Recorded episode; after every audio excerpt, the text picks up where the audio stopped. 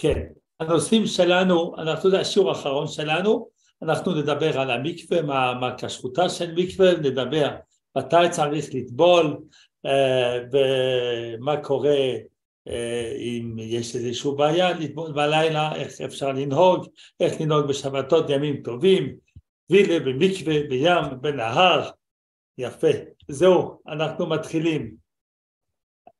קודם כל כתוב בשולחן ערוך שלכתחילה לא צריך לאחר את הטבילה. כמובן, אם לא יכולים, אם יש מחילה אה, משני הצדדים, אפשרי. אבל המצווה, כך אומר השולחן ערוך, אם בעלה בעיר, מצווה לטבול בזמנה, שלא לבטל מפריה וריביה אפילו לילה אחת. אז הביטוי תפילה בזמנה שכתוב כאן זה לא כמו בגמרא, במשנה תפילה בזמנה, זה היה מי שהיה טמא, היה פה דעה שחיוב לטבול בזמנה.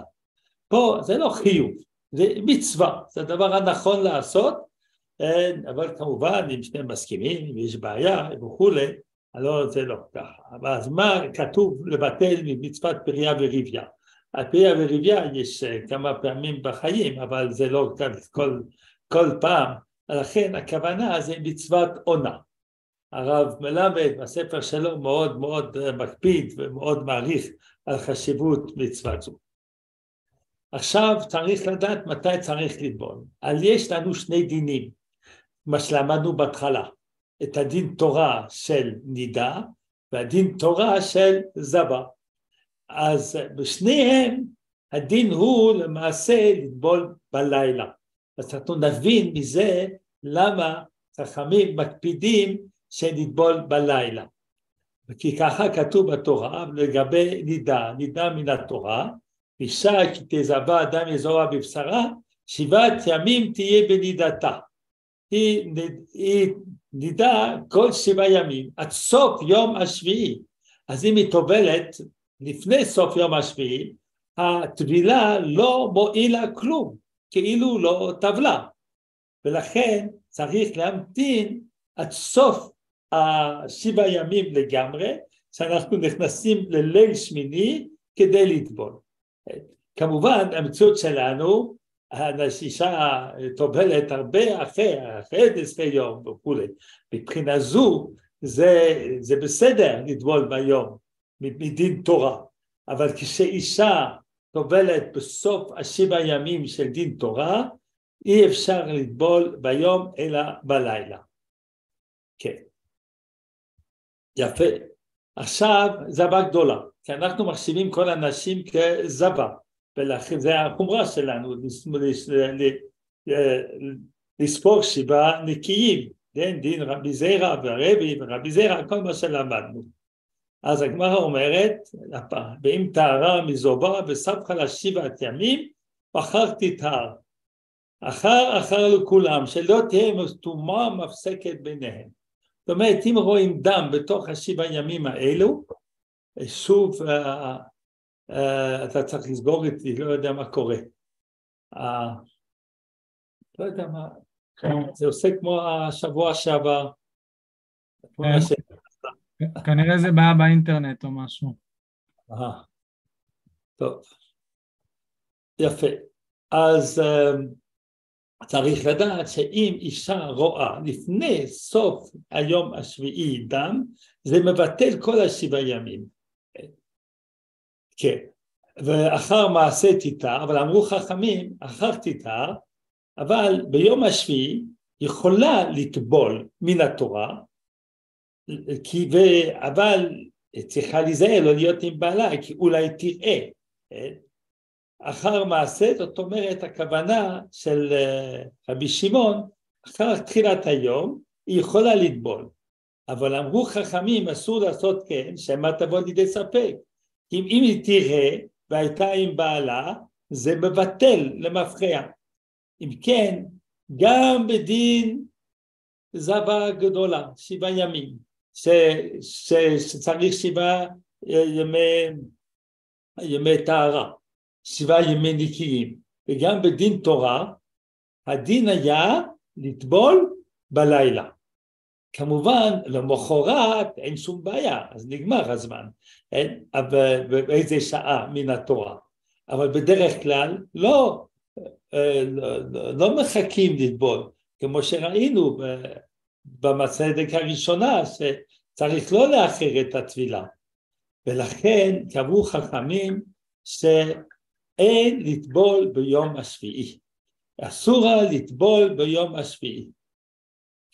ואז חכמים עשו חומרה, שאפילו אם ממתנת מלטבול עד יום שמיני או תשיעי, אינו יכולה לטבול ביום משום שכר ביתה.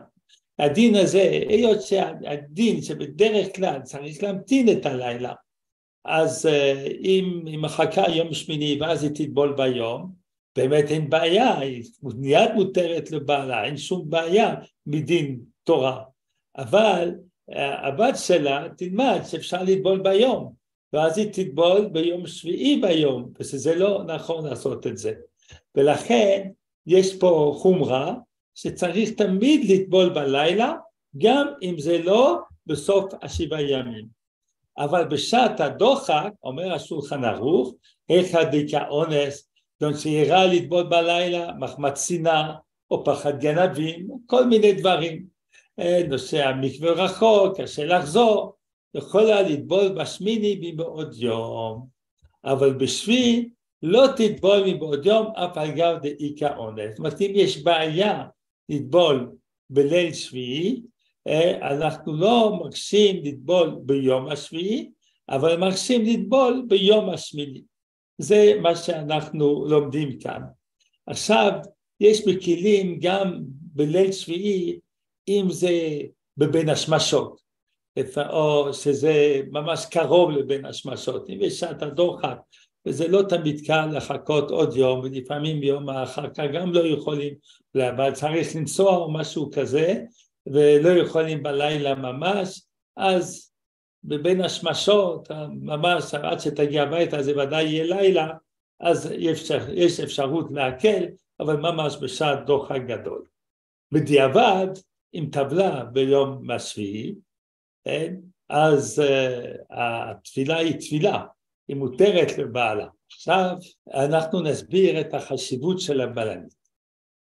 שולחן ערוך כותב, צריך לעמוד על גבה יהודית גדולה יותר מי"ב שנה, זאת אומרת גדולה, ביום אחד בשעה שהיא טובלת, שתראה שלא יישאר משער ראשה צף על פני המים.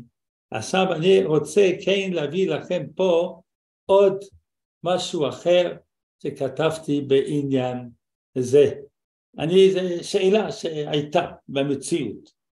השאלה, אני הבלנית של כוכב יעקב ויש טובלות המבקשות שהיא לא תהיה נוכחת, האם מותר לה להימנע, כן. אז אני, התשובה היא שהיא פטורה מלעמוד על התפילה ואנחנו צריך להסביר את הפסק הזה. חשוב ביותר להראות לה שאת מכבדת את רצונה וכך היא תימשך לבוא למקווה גם בעתיד. אז אנחנו נלמד על החיוב הזה של הטובלת, מה המקור שלו. לחיוב זה אין מקור בגמרא, לא מובא ברמב"ם, וזה חידוש של הראש, שהוא ראשון, אבל עדיין אנחנו צריכים לכבד אותו, והטעם שלו שמהמים לא יכסו את כל השערות. והשולחן ערוך כתב, צריך לעמוד על גבה יהודית גדולה. הלשון צריך משמע לכתחילה. ודאי שזה לא מעכב בדיעבד, אם היא נזהרה שכל השערות שלו אה, ייכנסו במים.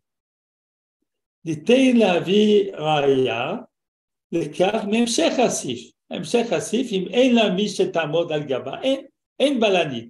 או שוב הלילה, תכרות שערה על ראשה בחוטי צמר ברצועה שבראשה, בלבד שתרפא. היא תשים משהו רפוי על השערות שלה, כדי שכל השערות ייכנסו. כמובן אישה שיש לה שערות קצרות, בכלל הבעיה לא, לא קיימת בכלל. יפה. מה נקרא שעת הדוחק? כן?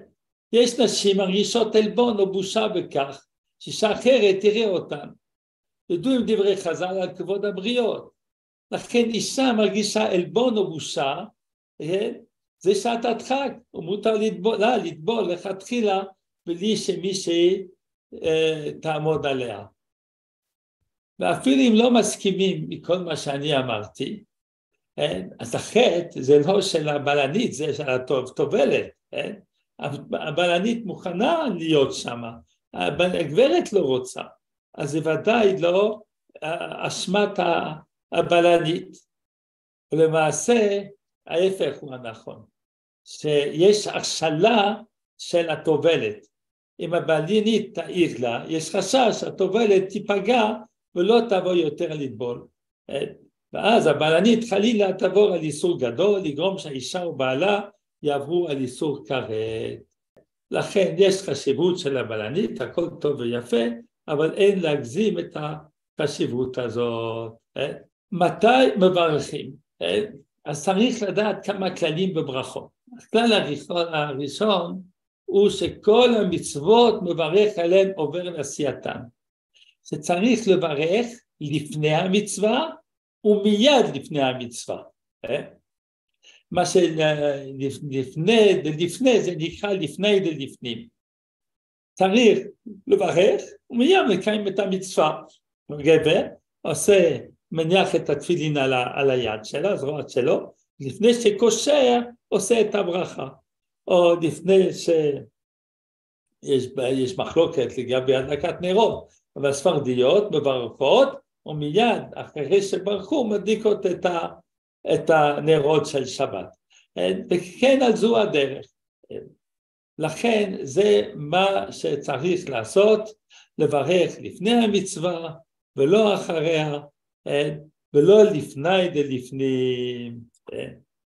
יפה. מברך, זה מה שצריך לעשות. דבר שני, יש בעיה שבן אדם מברך שהוא לא לבוש.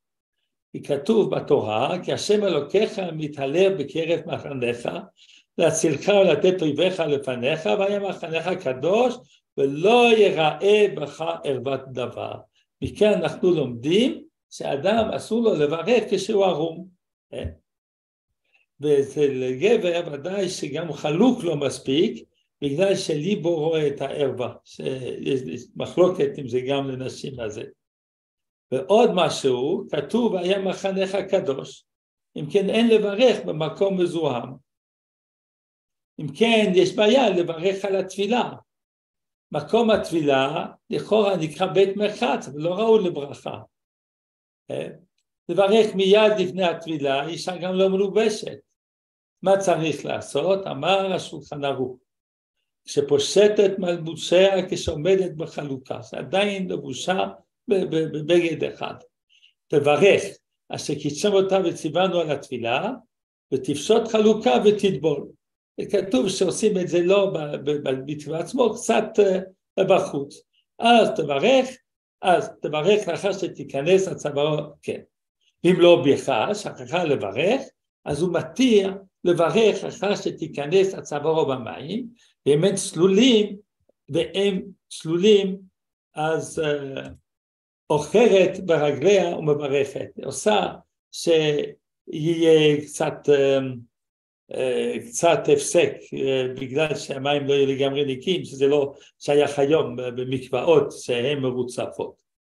ולכן ככה, לכן באמת זה מה שהשולחן ערוך פסק. אז uh, הוא אומר, כשפושטת מלבוציה, כשעומדת בחלוקה, תברך. ותפשוט חלוקה ותטבול. אז יש בעיה שזה לא ממש סמוך, זה לפני דלפנים, אבל כדי לא לברר בלי בגדים ובית הטבילה, לברך לפני דלפנים. זה ההלכה של אחינו הספרדים. ובדיעבד, המים נחשבים כיסוי, או בית התפילה לא נחשב מקום מזוהם, במיוחד היום שהכל נקי כל כך. ועל ידי עקירת המים אין זה נקרא ליבו רואה את הערווה. היום אי אפשר לעקר את המים, אבל אפשר לשים את ה... אה, קודם כל יש פוסקים שאומרים שאין בעיה של ליבו רואה את הערווה אצל אישה, והשני היא יכולה פשוט לשים את היד שלה על, על בטנה בזמן הברכה כדי שזה לא יחשב ליבו רואה את הערווה. ולכן כתב בשולחן ערוך שבדיעבד אפשר גם לברך בתוך, כשנמצאים בתוך המים במקווה. מה המנהג אשכנז זה מנהג נורא מוזר, זה קצת דומה למנהג לברך אחרי הדלקת נרות שבת. אומרים שאצל גר אה, הוא לא יכול לברך לפני שטובל, הוא עדיין לא יהודי. אז הוא מברך מיד מיד אחר כך, כן? זה מה שכותב, ואז אומר הרמה שככה צריך גם אישה לעשות. זה נורא מוזר, זה, זה מיעוט, נשים טובלות, זה קורה הרבה, וצריך לגזור על הנשים בגלל הגרים, זה קצת קשה, אבל ככה זה המנהג. ויש אומרים שלא תברך עד אחר התפילה, וכן נוהגים שלאחר התפילה, ועומתו עומדת תוך המים וחציץ עצמה בבגדה ובחלוקה מברכת. למעשה זה קשה מאוד לכסות בה, אז כותב השח, ועכשיו נהגו שלא לכסות עצמה כלל ולברך. אז אה, כן, המים נחשבים כיסוי איבה, כמו שהסברנו בדיעבד למחבר, ובאישה אין דין של דיבור רואה את הערווה, ואכן בכלים אפילו שלא תשים זרוע עליה, רק שהראש יהיה מחוץ למים בזמן שהיא מברכת. אם כן, מנהג ספרד זה לברך לפני התפילה כשמלובשת, ומנהג אשכנז זה לברך בתוך המים לפני שמכניסה את הראש במים. עכשיו, יש כתוב כל מיני ספרים שכתוב שתטבול פעם שנייה אחר כך. זה לא כתוב ברמה, זה, זה מנהג, אבל זה נראה נורא מוזר, כי מה זה עוזר? כי ככה רוצים, כך היא עושה גם לפני התפילה וגם אחרי התפילה. אבל לפני התפילה זה לא, אין, אין עניין, זה לא לפני התפילה, כי כבר תורה, אז זה לא כל כך, זה מנהג לא כל כך מובן, אבל הוא נכתב בשלל הקדוש, ויש הרבה שנוהגות כך. כן? ותבוא עלינו ברכה, כן? עכשיו בשבת יש לנו בעיה של מים חמים, כתוב בשולחן ערוך, אסור לחוץ כל גופו, כן? אפילו במים שהוחמו מערב שבת, כן? זה הגזירה שעשו חכמים, בשבת לא להתרחץ במים חמים, שמא יחממו את המים. אז יש, מה הפתרון? אז אה, בהתחלה היו הרבה מחלוקות בדבר הזה, אבל היום התקבל כדברי המקילים, ושלצורך מצווה מותר לחרוץ במים חמים. היום גם גברים משתמשים בזה, דברים שרוצים לטבול אה, הרבה פעמים ולא רוצים להיות במים קרים, יותר קשה, כי באמת ההיתר ניתן בגלל המצווה. אבל לצורך מצווה מותר לכעוס במים חמים, פטנט אחר לטמול בבין השמשות או סמוך לבין השמשות, ותקיים, כמובן צריך, ותקיים החפיפה ביום שישי בנחת. זה ה... זה ה... ההלכה, אפשר לטבול במים חמים, זה מה שמקובל היום, אף על פי שבתחילת הפסיקה היו בזה מחלוקות גדולות. אז לגבי מוצאי שבת, מתי לקיים החפיפה כל ההכנות? אז אפשר לעשות כל ההכנות בנחת במוצאי שבת, אם, אם לא אה, צריכים לרוץ מיד מיד מוצאי שבת לטבול, או לעשות הכנות ביום שישי בנחת ולחזור ולעיין במוצאי שבת. היכן טובלים? וואלה, אנחנו עוסקים עכשיו בשאלה גדולה מאוד, איפה האישה טובלת? אז צריך לדעת שכתוב בתורה, הדבר הכי טוב זה מעיין. אז זה כמעט לא, זה, זה, זה נדיר שאדם יהיה לו מעיין. המעיין זה מים שנובעים מתוך האדמה. והמעיין הוא מטהר ממש בצורה מאוד טובה, הוא מטהר אפילו מי שיש מי שצריך מים חיים, לא אישה נידה אבל לא צריכים, כן, אבל לזהב צריך, יש עוד אחרים צריכים מים חיים, אז אה, זה מעיין, מעיין ממש הכי טוב. דבר השני זה, זה מגשמים. אה, ההבדל שמעיין מטהר גם בזוחלים, זוחלים זאת אומרת גם כשהם זורמים זה מטהר. במגשמים מטהרים רק באשבורן, זאת אומרת במקום שאין בו זרימה. אה, לכן זה הבדל גדול בין מעיין למגשמים. ומה שצריך שטבילה בכלי פסולה מן התורה. לטבול בכלי, כן? אז נגיד אדם יש לו איזו חבית גדולה, ואפילו מכניס בו מי גשמים בתוכו, זה כלי וזה כמו שאדם יתרחץ במקלחת, זה יכול להתרחץ שלוש שעות, היא תישאר טמאה או אסורה כמו שהיה לפני כן. אם כן, הטבילה בכלי היא פסולה מן התורה. עכשיו, למעשה, צריך לדעת מה זה, איפה אנחנו יכולים לטבול למעשה. אז עוד מעט נדבר על מקוואות, אבל הדבר הוא שבים מותר לטבול, אה, ואפילו אם המים בים זוחלים, שזה קורה לפעמים בגלל שיש נהר שעובר בתוכו, אה, הימים יש להם דין מעיין, כי הים, הים הוא לא מתמלא ממי גשמים, אה, יש לו, זה מים שנמצאים בו מאז ומתמיד, לכן יש לו דין של מעיין, ואפילו אם יש זרימה מותר. אם כן, תפילה בים היא תפילה מעולה.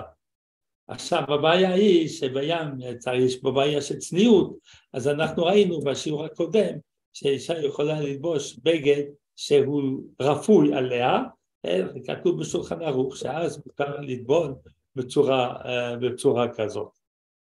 כן. עכשיו זה ככה כתוב בשולחן ערוך, כל הימים יש להם דין מעיין לתאר בשחילה יפה. עכשיו נהר, הנהר זה יותר מסובך. נהר, מאיפה בא המים של הנהר? ממעיין או מבגשמים? אם זה בא ממעיין, אין בעיה לטבול בנהר. בנהר המים זורמים, הם לא עומדים. אם כן, זה לא מקווה. אם כן, האם אפשר לטבול בנהר? אז אומר השולחן ערוך, תלוי. אם יש יותר מגשמים, או שיש יותר ממעיין. זה מאוד קשה לדעת, אז, אז לפי כך צריך, אז אם זה בקיץ, אז אנחנו עושים הבחנה. בחורף ש... ש כן, אם יש חשש שיש הרבה מגשמים, אז צריך לשים איזושהי מחצלת, משהו כדי לעשות איזשהו מקום שהמים לא זוחלים, זה לא פשוט בכלל לעשות את זה. בקיצור, עדיף לא לטבול בנהר, אבל הרמה מקל, לכן בשעת הצורך מותר לסמוך על הרמה, אבל יש מתירים לטבול בנהרות כל השנה, אה בשעת הגשמים ואפשר הצלגים, ורבו הנוצרים על הזוכלין משום דעיקר גידול הנהר ממקום בקורו. אנחנו אומרים אפילו יתווסף אחר כך הרבה הרבה מגשמים כמו בחורף אבל מקור של זה זה מקור של כל נהר הוא uh, מקור של uh, מקור של כל נהר הוא, uh, הוא, הוא מעיין ולכן אפשר לטבול בנהר. עכשיו הכי טוב זה לטבול במקווה. אז אני צריך להסביר לכם כמה דברים איך עושים מקווה. כי הבעיה של מקווה זה לא מגשמים, ממלאים את המקווה כל יום או כל יומיים, לוקחים מים של הברז, ולכאורה מים האלה זה לא מגשמים, ולכן יש בעיה לטבול במקווה. אז מה עושים כדי להתיר תפילה במקווה? עושים שלושה דברים. ודאי שניים מהם כל אחד ואחד ולבד אה, היה, היה מועיל. אז קודם כל צריך לדעת מה הבעיה במים של הברז.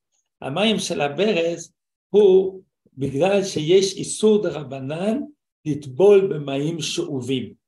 מן התורה אסור לטבול בכלי, אבל מדרבנן לא רק בכלי אסור לטבול. אם שאבו מים בכלי ומילאו את זה, את המקווה, זה נקרא מים שאובים, אז אסור מדרבנן לטבול במקווה כזה. ואם כולו שאובים מחלוקת בין המחבר והרמה. לפי המחבר, אם כולה שאובים, גם, גם אם כולה שאובים, האבסורד הוא דרבנן. או לפי הרמה, אם הכל שאובים, היא אסור מן התורה. עכשיו, המים שמגיעים למקווה, שמגיעים מהברזים, אז לכאורה זה מים, זה מקובל ככה, שזה מים שאובים. למה? כי המים עוברים דרך צינורות, הצינורות האלה הם לא בעיה, אבל יש מקומות של, זה כמו, זה, זה כלי שמחובר לקרקע, אבל זה כלי שבו מסננים את המים, ולכן המים האלה הם מים שאובים, ולכן זה הסיבה שאסור לטבול בבריכה, כי המים של הבריכה הם מים שאובים. אז מה עושים במקווה? זה גם מים של העיר. עושים אחד, שתיים, עושים את הדברים הבאים.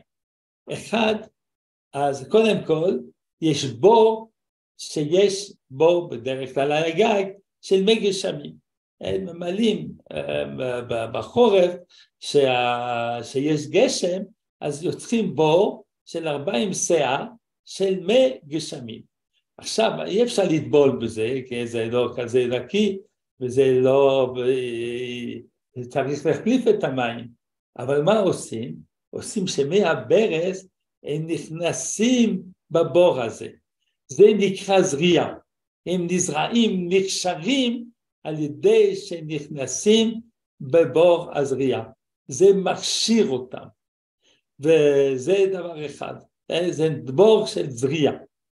ויש עושים בור שני שיש בו מים גשמים, ששמים אותו על יד המקווה, ועושים חור בין המקווה ל... עושים חור בין, ה... בין, בין המקווה והבור הזה. ואז החור הזה הוא כמו כאילו מכשיר את המים שנמצאים במקווה, כי הם קשורים, זה כמו שאדם זורק הרבה מים שאובים בים, אז זה נשאר הכל קשה, המים האלה נקשרים. אז זה נקרא השקה, כמו נשיקה, חיבור. זה, אז ברוב המקוואות יש גם זריעה וגם השקה. אה, כן, זה חומרה, פעם היו עושים רק אחד משניהם, היום עושים את שניהם. ועושים עוד משהו אחר שנקרא המשכה. המשכה זה המים שמגיעים מהברז, לא נשפכים ישירות במקווה, אלא הם עוברים תחת סילון. הכי טוב זה סילון שקצת יכול לבלוע מים כמו בטון, ואז זה מכשיר את המים של, של העיר, להפוך אותם למים, למים כשרים. יש מחלוקת אם המשכה זה כאשר לכל המקווה או לחלק מהמקווה, אבל לכן זה מה שעושים שלושת הדברים האלה כדי להכשיר את המים שנמצאים אה, במקווה. יש זריעה ויש השקה ויש כמו שאמרנו יש המשכה כן? ולכן בבריכה אי אפשר לטבול כי בבריכה יש רק המשכה, וזה לא מספיק כדי להכשיר, יש בזה ספקות ומחלוקות וכולי וכולי. ולכן עושים את כל החומרות האלה כדי אה, לטבול במקווה, כל המקוואות, כמעט בכל המקוואות היום יש את שלושת הדברים האלו, גם זריעה, גם השקה וגם, מה אמרנו? זריעה והשקה והמשכה. זהו. אז אה, אם אנחנו מסכמים מה ששאלנו בתחילת השיעור, באיזו שעה לטבול צריך לחכות עד הלילה, הבדל בין יום השביעי ליום השמיני, יום השמיני בשעת הדוחק מותר לטבול כבר ביום השמיני, איך לנהוג בשבתות וימים טובים, איזה אפשרות לעשות את ההכנות, הכל, אם זה בשבתות אה, צריך, אה, יש בעיה של המים החמים, אבל מתירים לטבול במים חמים, ואם זה מוצאי שבת או מוצאי יום טוב, אז הבעיה היא הכנה, אז עדיף לעשות את ההכנה ביום שישי, ואחר כך אה, לעשות עוד עיון והכנה כלילה במוצאי שבת ומוצאי יום טוב. טבילה במקווה בים היא כשרה לכתחילה, ונהר צריך להימנע, אבל בשעת הדוחק אפשרי, צמידה בבריכה אינו כשרה, כי המים, היא, המים הם שאובים, וההמשכה לא מספיקה בשביל כל, ה, כל המים, לכן צריך מקווה כשרה. זהו בשביל היום. זה השיעור האחרון שלנו, אז אני רוצה להודות לכל מי שהשתתף בשיעור, הייתה לי שמחה לתת את השיעור הזה. אז בהצלחה לכולכם ותודה רבה.